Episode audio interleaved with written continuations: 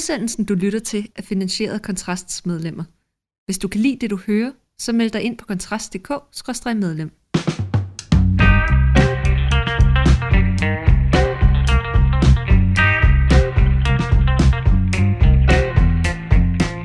Velkommen til intet mindre end premiereudgaven af Fyraften hos Kontrast, hvor vi øh, på redaktionen her på Kontrast ser nærmere på nogle af de aktuelle ting, der sker, og hvad der sådan ellers går og optager os inde i, øh, i vores fine redaktionslokaler her ved Sorte Damsø. I de kommende uger, der kommer vi nok af grunden, som burde være de fleste bekendte, og ellers vil de gøre det, være det, når de har hørt den her udsendelse, primært til at tale om valg, men må ikke om, vi kommer til at se på nogle andre ting. Og apropos valg, så har jeg i dag øh, en af sådan redaktionens store politiknørd. Det er Morten Ockels, redaktionssekretær, med i studiet manden, der kan forklare, hvad dronningrunder faktisk går ud på, og hvornår de sidste er blevet brugt. Velkommen til, Morten, kan jo, jeg jo så sige. Jo tak, og jeg er som altid meget modtagelig for smiger. Jamen, øh, jeg tænkte jo også, at den var ret oplagt nu her, fordi, altså man kan jo sige, vi, vi, er jo, vi er jo i den situation nu, at mange havde jo regnet med, eller i hvert fald spået det som en sandsynlig ting, at vores kære statsminister, hun skulle have, muligvis have udskrevet valg i dag tirsdag i forbindelse med Folketingets åbning. Men det gjorde hun jo slet ikke, Morten. Det gjorde hun slet ikke, øhm, og det skulle hun heller ikke have gjort, øh, altså set fra hendes eget perspektiv. Øhm, jeg burde jo måske undskylde for vores primært borgerligt sindede lyttere på forhånd, men jeg synes faktisk, hun gjorde det øh, virkelig godt i dag. Altså, øh, det, var, det var et virkelig godt træk at lægge ud med at sige farvel og tak til, til de afgående ældre statsmænd, altså øh, øh, Henrik Dam og Bertel Hård og øh, Marianne Hjelved. Ja, for I bruger lige de første, kan vi så sige, for de lytter, der ikke er været, med, bruger lige de første sådan 7-8 minutter på at lave egentlig sådan en, en, en, en næsten sådan helt personlig og lidt anekdotepræget øh, sådan små fortællinger om de her tre politikere, som hun pænt vil sige farvel til. Det, og det, det er så godt set, øh, også fordi, at det hænger sammen med hendes tale i øvrigt, ikke? Hvor, hun, hvor hun maner til det brede samarbejde og, øh, og øh, selvfølgelig med sig selv som øh, samlende figur, men det er så underforstået. Øh, det er rigtig godt set af den person, øh, som er nået frem til, at det skulle starte med, med, med de tre, og så gå op i en højere enhed. Øh, der kan man selvfølgelig sige, at øh, hun, det er heldigt øh, for sådan en konstellation, at Pia Kærsgaard øh, tager et valg til, fordi ellers så ville den have været lidt svær.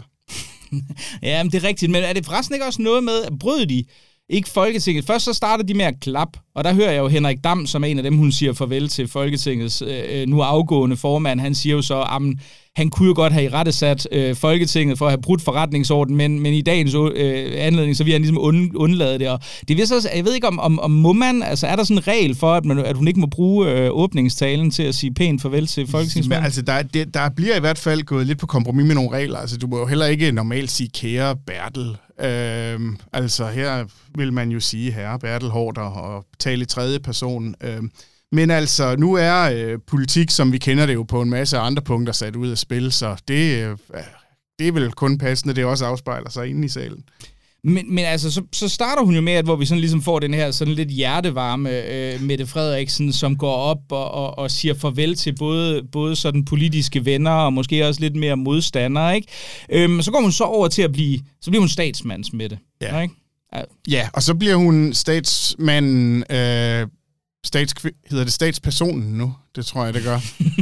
så bliver hun stats, retningslinjer. så bliver, så bliver hun statspersonen, der, øh, der øh, taler meget ind i den her moderne strømning om, om at mødes på midten og samarbejde bredt og alt det der. Øh, jeg tror, de har været glade for, for, for at høre det der i Moderaterne. Ja, ja. Altså, jeg tænker også, jeg, jeg tror måske også, hun får, hun får også i løbet af talen, for hun vist takket næsten, næsten alle partier for samarbejdet, dog med, med undtagelse af Fri Grønne, hvis, øh, hvis jeg husker rigtigt. Men, men altså, jeg ved det ikke, altså, jeg, jeg, man kan jo ikke lade være med, og det er jo også det, som alle, øh, altså Mette Frederiksen vil jo nok foretrække, at det bliver udlagt som sådan en tale, hvor hun egentlig bare viser sig som både den store statsmand og det generøse menneske, hun i virkeligheden er.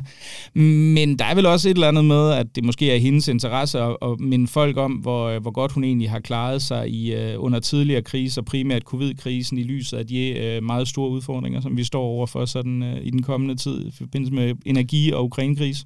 Ja, hvilket så også går hånd i hånd med, at hun, øh, hun udlægger de her store problemer, som, øh, som, som verden og Danmark unægteligt står overfor. Og sådan noget. Altså, det, det, er virkelig godt, øh, det er virkelig godt skruet sammen. Øh, det, det må man bare give hende, eller statsministeriet. Øhm, og så er der selvfølgelig den her helhedsplan, som, øh, som jeg går ud fra, at, at hun, må, hun må vende tilbage til. Men, øh, men, men det her med fremtidens velfærdssamfund, der skete noget ret sjovt øh, lige før på, øh, på TV2 News, jeg hæftede mig ved, øh, hvor hun bliver interviewet foran de her øh, øh, øh, billeder af tidligere statsministre, som, øh, som jo er på Christiansborg. Og så øh, siger øh, øh journalisten, øh, vi sidder her under Anker Jørgensen, og så præciserer hun pænt, sådan, ja, vi sidder jo også under Krav og Kampmann, ikke? Altså de her øh, øh, historiske arkitekter af, af, af velfærdsstaten. Så øh, fik hun lige pænt, øh, så fik hun lige øh, pænt presset ind, øh, at hun hellere vil huskes som de to sidstnævnte, end som Anker Jørgensen. Ja, jeg tænker, det, det er måske lige det der med at blive, blive øh, sådan associeret med den socialdemokrat, der, der ligesom øh, på grund af en økonomisk krise endte med frivilligt at give regeringsmagten fra sig, var, var måske heller ikke den mest sådan, optimale måde at, at gå ind i en, øh, en, øh, en valgperiode, ja. eller i hvad det hedder, et folketingsvalg på. Så, nej, så krav og kampmand og karbonader var også et tema i talen. Ja. Vi lader også mærke til, at der var noget, hun nævner nogle af de her ting. Hun kommer selvfølgelig ind på sådan en, en, en længere ting om, hvordan den offentlige sektor er presset, og der kunne man jo måske også enkelte mere kyniske jagttager vil jo måske også øh, sige, at, at der kunne være en vis politisk motivation for minde, øh, minde den, øh, den gode seer øh, eller øh, øh, vælger om, at, øh, at øh, det har de faktisk løsningsmodeller for øh, i lyset af, af det kommende valg. Men altså, jeg, jeg tænker lidt på, tror du, øh, tror du det er sådan en slags valgoptakt? Ja, det er jo svært at se det som andet. Øh, altså, det her er nok den mest uofficielle valgkamp øh, nogensinde. Det er det, vi alle sammen har lagt op til, og vi, og, og, og vi som, som interesserer os for det, øh, øh, sidder som små børn, der venter på juleaften. Måske med den for, forskel, at det allerede er lidt af jul. Ja, det har det vel egentlig været. Altså, jeg mener, det, vi har vel egentlig været inde i sådan en slags uofficiel valgkamp, siden de radikale her engang tilbage i, hvad har det været? Juni, var det juli, det kan jeg faktisk ikke huske, at ja, de annoncerede deres intention om at... på min kommissionen, ikke? Om at trække det, ja, ja. En, en enkelt ting, altså jeg, som jeg, jeg, jeg sad og undrede mig over, ikke? og det ved jeg ikke, hvordan man skal tolke, det er, hun siger jo på et tidspunkt, at, at regeringen vil fremlægge nogle forskellige planer. Nu, nu skal vi snakke lidt om, øh, om hvornår det kommer og så videre. Men altså, man kunne, man kunne jo godt sidde og tænke, betyder det så, at de fortsætter, eller hvad? Ah, det gør de jo, øh, det gør de jo næppe, for det er jo ikke regeringens egen beslutning, men hun er jo nødt til at fremmane det her billede øh, af, at regeringen, altså at hun er nødt til at fastholde øh, det, hun er nødt til at fastholde den kendskærning, at der formelt set ikke er valgkamp. Mm, mm. Og, og så, kan, så, kan, så kan vi lige komme efter det i morgen onsdag. Altså, jeg, jeg må jo indrømme, at, at jeg sad jo sådan, hvis jeg skal være helt ærlig, da, da jeg sådan fulgte den her tale, der bliver jeg sådan mindet om, hvad det egentlig er, Mette Frederiksen gør bedst. Altså, det er at, egentlig at indtage de her sådan meget højstemte anledninger. Ikke? Det her var jo var også sådan lidt mere jovial, som vi snakkede om i forhold til intro, hvor hun siger pænt farvel. Men, men hun er meget god til at levere de her stærke, prægnante taler, der er i, i, i en meget formel ramme, og hvor man forvent, fornemmer, at der er en vis sådan undertone af gravitas under det hele, fordi det gør hun altså simpelthen blændende ja, godt. og det er godt i scenesat, og sådan, i år havde man heller ikke sendt den ud til pressen på forhånd. Uh, det gav også sådan lige et ekstra et ekstra moment af højtidelighed, og sådan normalt så er det jo heller ikke, altså normalt så går det jo lidt i tomgang, når man, uh, når man, når man taler om en, uh, en åbningstale, men lige netop her, altså, der, der var sgu noget, der var sgu noget pange, altså, der, der, der var virkelig noget at tale om det var en af de slags taler, som man kan huske, at man har hørt. Så vi taler øh, 11 på den gamle skala, eller? For den tekniske udførelse, så, øh, så, så ligger vi meget højt, ja. Altså, det, det må man, øh, det må man, øh, må man erkende, om, om man så kan lide indholdet eller ej. Og så fra, øh, så, så fra en teknisk meget fornem håndtering til, til en af de sager, som, som jeg jo synes har været ret interessant, og jeg synes, den er sådan blevet... Øh, indtil videre. Nu må vi se, hvordan det går. Den er jo sådan blevet næsten en lille smule overset i alt det her sådan valgspekulation, og det var en, uh, en nyhed, som politikken breakede i går aftes under, under rubrikken og overskriften Voldssag mod Papes, Papes eksmand blev håndteret helt usædvanligt. Og man kan sige, at det er en meget lang, øh, det er en meget lang artikel, som politikken, politikken bringer, men det, det viser sig, det er, at de har ikke alene optagelser, hvor der er en politimand, der ligesom gør det klart over for den her Slovak, som øh, Søren Papes eksmand på et tidspunkt kom i klammeri med på LA Bar en torsdag aften, relativt sent om aftenen, for lige at rekapitulere, det, er, det, der, det er meget kort, jamen altså, så, så, så siger han jo altså, at han er blevet overfaldet af den her Slovak, og øh, øh, som, øh, som derefter bliver varetægtsfængslet. Der er flere politikere, der ud og siger, at der var tale om en hadforbrydelse osv. Det politik nu kan fortælle, det er, at selve den aften, der er der altså en videooptagelse, som foreligger, hvor, hvor man simpelthen kan høre en politibetjent sige, jamen, det vil du sandsynligvis få, hvis du har slået en, det vil du sandsynligvis få en bøde for, det vil du nok også have fået i Slovakiet. Det, jeg synes, der er rigtig, rigtig tricky ved det, det er, at de har fået fat i øh, politikken i den her slovakiske mand, der så ender med, i øvrigt senere, sagen går hele vejen til højesteret, også meget, meget usædvanligt, fordi som højesteret også selv påpeger, er det en simpel voldssag. Men, men den her slovak, som hedder Branislav Gvozdiak, og det har jeg utvivlsomt udtalt fuldstændig forkert, han, han fortæller til politikken, at der sker noget, noget meget interessant, fordi efter at han så altså har har slået Pape, det kan vi godt sige, for det blev han faktisk dømt for, eller undskyld, han har slået Joshua, Papes daværende kæreste, øhm, så bliver han sat ind i en politibil, og så skal han køres øh, med på stationen. Og nu læser jeg op fra, fra politik. Men da politibilen med Slovakken og to betjente forlod Christian Bernikovs gade i det indre København, så tog sagen en ny drejning. Ifølge Branislav Gvozdjak, så kom der et opkald til bilen. Citat. Jeg husker, at betjentene var meget overrasket. De kiggede på hinanden og fortalte, at de var nødt til at køre til en anden station, fortæller Slovakken. Politibilen var på vej til Station City, men blev omdirigeret til Station Bellahøj. Ifølge Branislav Gostjak så fik han at vide, at den nye vurdering var, at han havde begået en hadforbrydelse. Men det lader ikke til at have været de tilstedeværende politifolks øh, vurdering af et opslag i politiets sagsstyringssystem Polsas, som Københavns politi har foretaget efter en klage fra Slovakkens advokat, fremgår det, at Slovakken kl. 3.40 blev anholdt og, øh, som sigtet for vold, og at der kun er oprettet et journalnummer i sagen, altså ikke et ord om hadforbrydelse der. Og det var så det, politikken skriver om den her sag.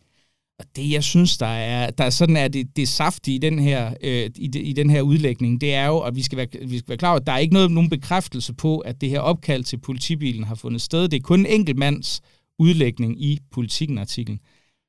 Men hvis det er rigtigt, så er det jo, vil jeg mene, langt, langt den mest graverende møgssag, som Søren Pape, øh, efter at have været igennem ikke så få møgssager, indtil videre har stået overfor. Hvad tænker du, Morten? Ja, øh, hvis, det, hvis det vel at mærke kan, kan sandsynliggøres, at der sidder nogen i, i ministeriet og trækker i nogle tråde, men vi er jo ikke helt så langt endnu. Altså, det er en, det er en møgssag under alle omstændigheder.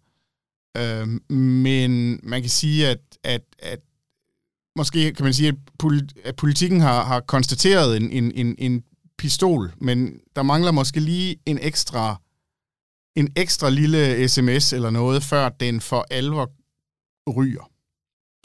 Ja, altså vi kan jo sige, der er jo igen, det er, det er et udsagn fra, fra en enkelt mand. Altså de, man kan sige, der er nogen, det, det man sådan vil kalde circumstantial evidence, ja, der ligger ja, rundt altså, omkring. Altså, jeg, måske, jeg skal måske lige øh, øh, præcisere, altså politikken har helt sikkert fat i, at der er noget her, som er virkelig mærkeligt. Øh, det ligner jo, at, at, at, at nogen har gjort noget, de ikke skulle.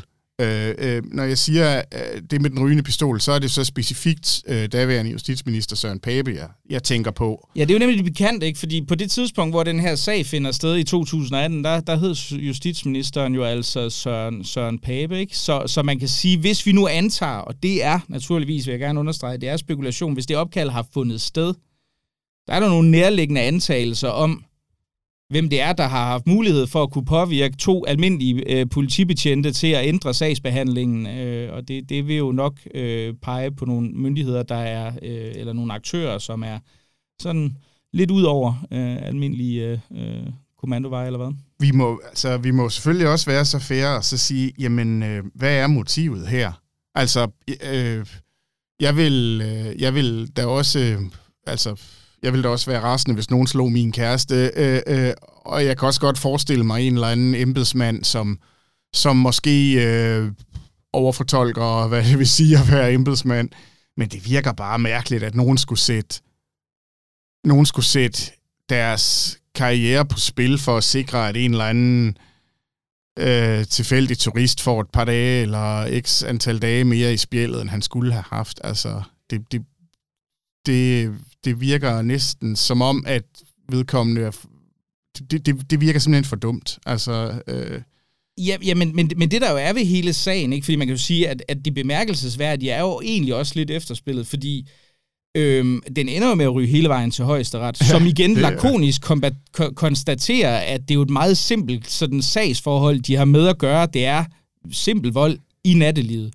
Og procesbevillingsnævnet altså, har jo på en eller anden grund besluttet, at det var måske meget relevant at sende den til højeste ret. Ja. Som er, altså, jeg vil sige, det, det, er jo, det, er jo, det er jo nok en historie, der i sig selv ikke er så, så alvorlig, men, men hvis man graver videre i den, og det, det viser sig, at det opkald har, har fundet sted, og det kan jo trods alt, må man formode, øh, afklares gennem øh, afhøringer af de relevante øh, politibetjente, og eventuelt også ved at se på nogle, øh, nogle sags- øh, eller nogle opkaldslogs, så kan det jo gå hen og blive ganske sparet.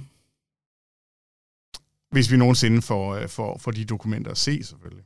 Ja, ja altså det, det pudsige er jo også, der åbenbart har været noget, noget intern korrespondence i Justitsministeriet.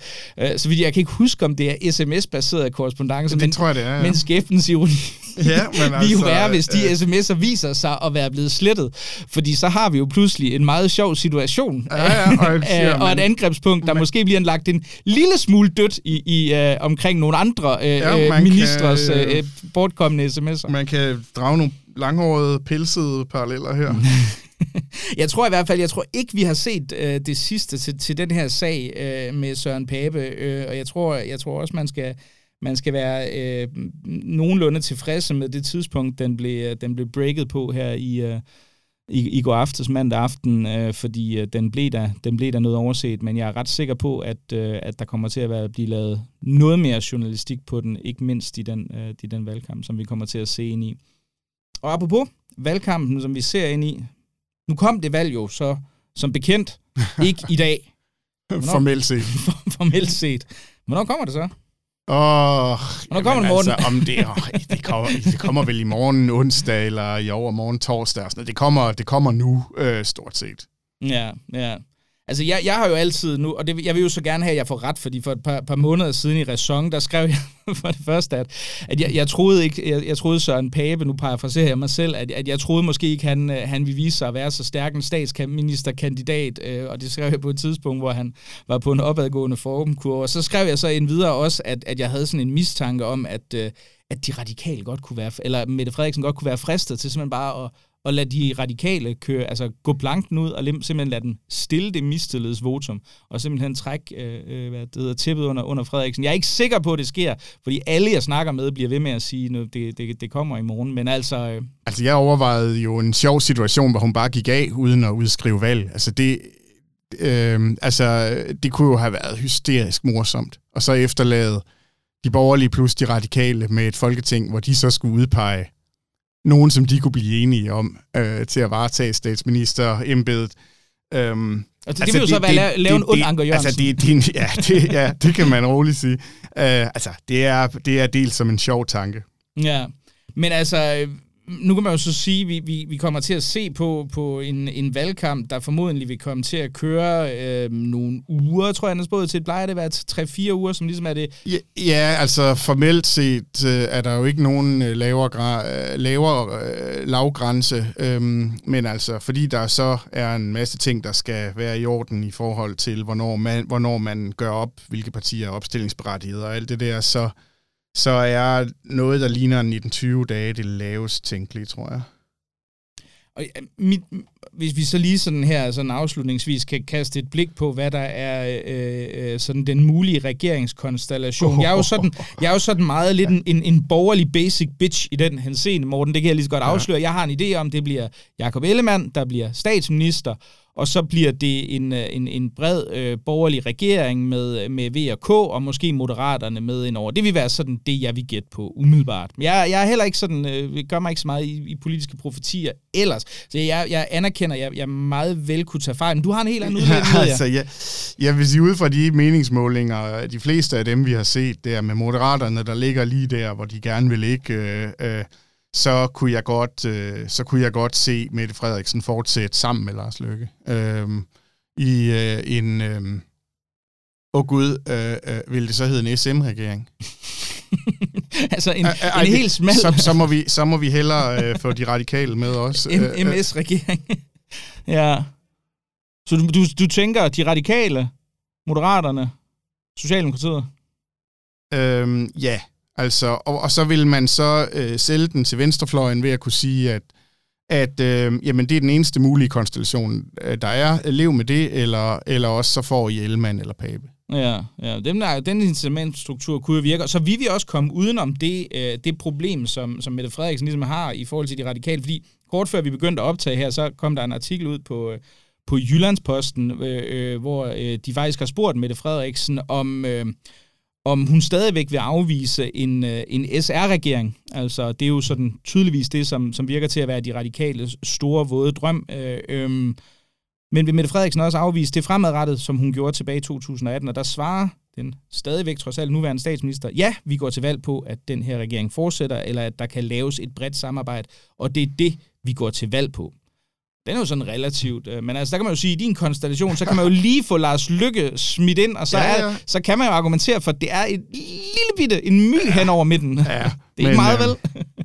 Men, men, men, men ja, altså, øh, øh, vi står alle sammen på herrens mark, fordi det her valg er så, så øh, anderledes. Altså, jeg hader jo egentlig, at folk, øh, kommentatorer og sådan noget, siger, åh, det bliver et historisk valg og sådan noget, men det her valg er bare så meget anderledes fra alt andet, øh, vi har... Øh, vi har oplevet. Uanset hvordan det ender, så, så vil det virkelig blive sådan et valg, som man om 10 og 20 og, og 40 år kommer til at, at, at, at, at skrive om på en måde, som, som man ikke skrev om øh, valget i, i 19 for eksempel.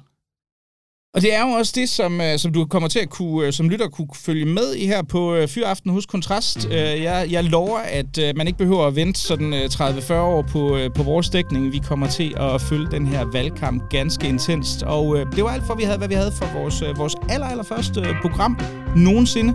Tusind tak, fordi du lyttede med.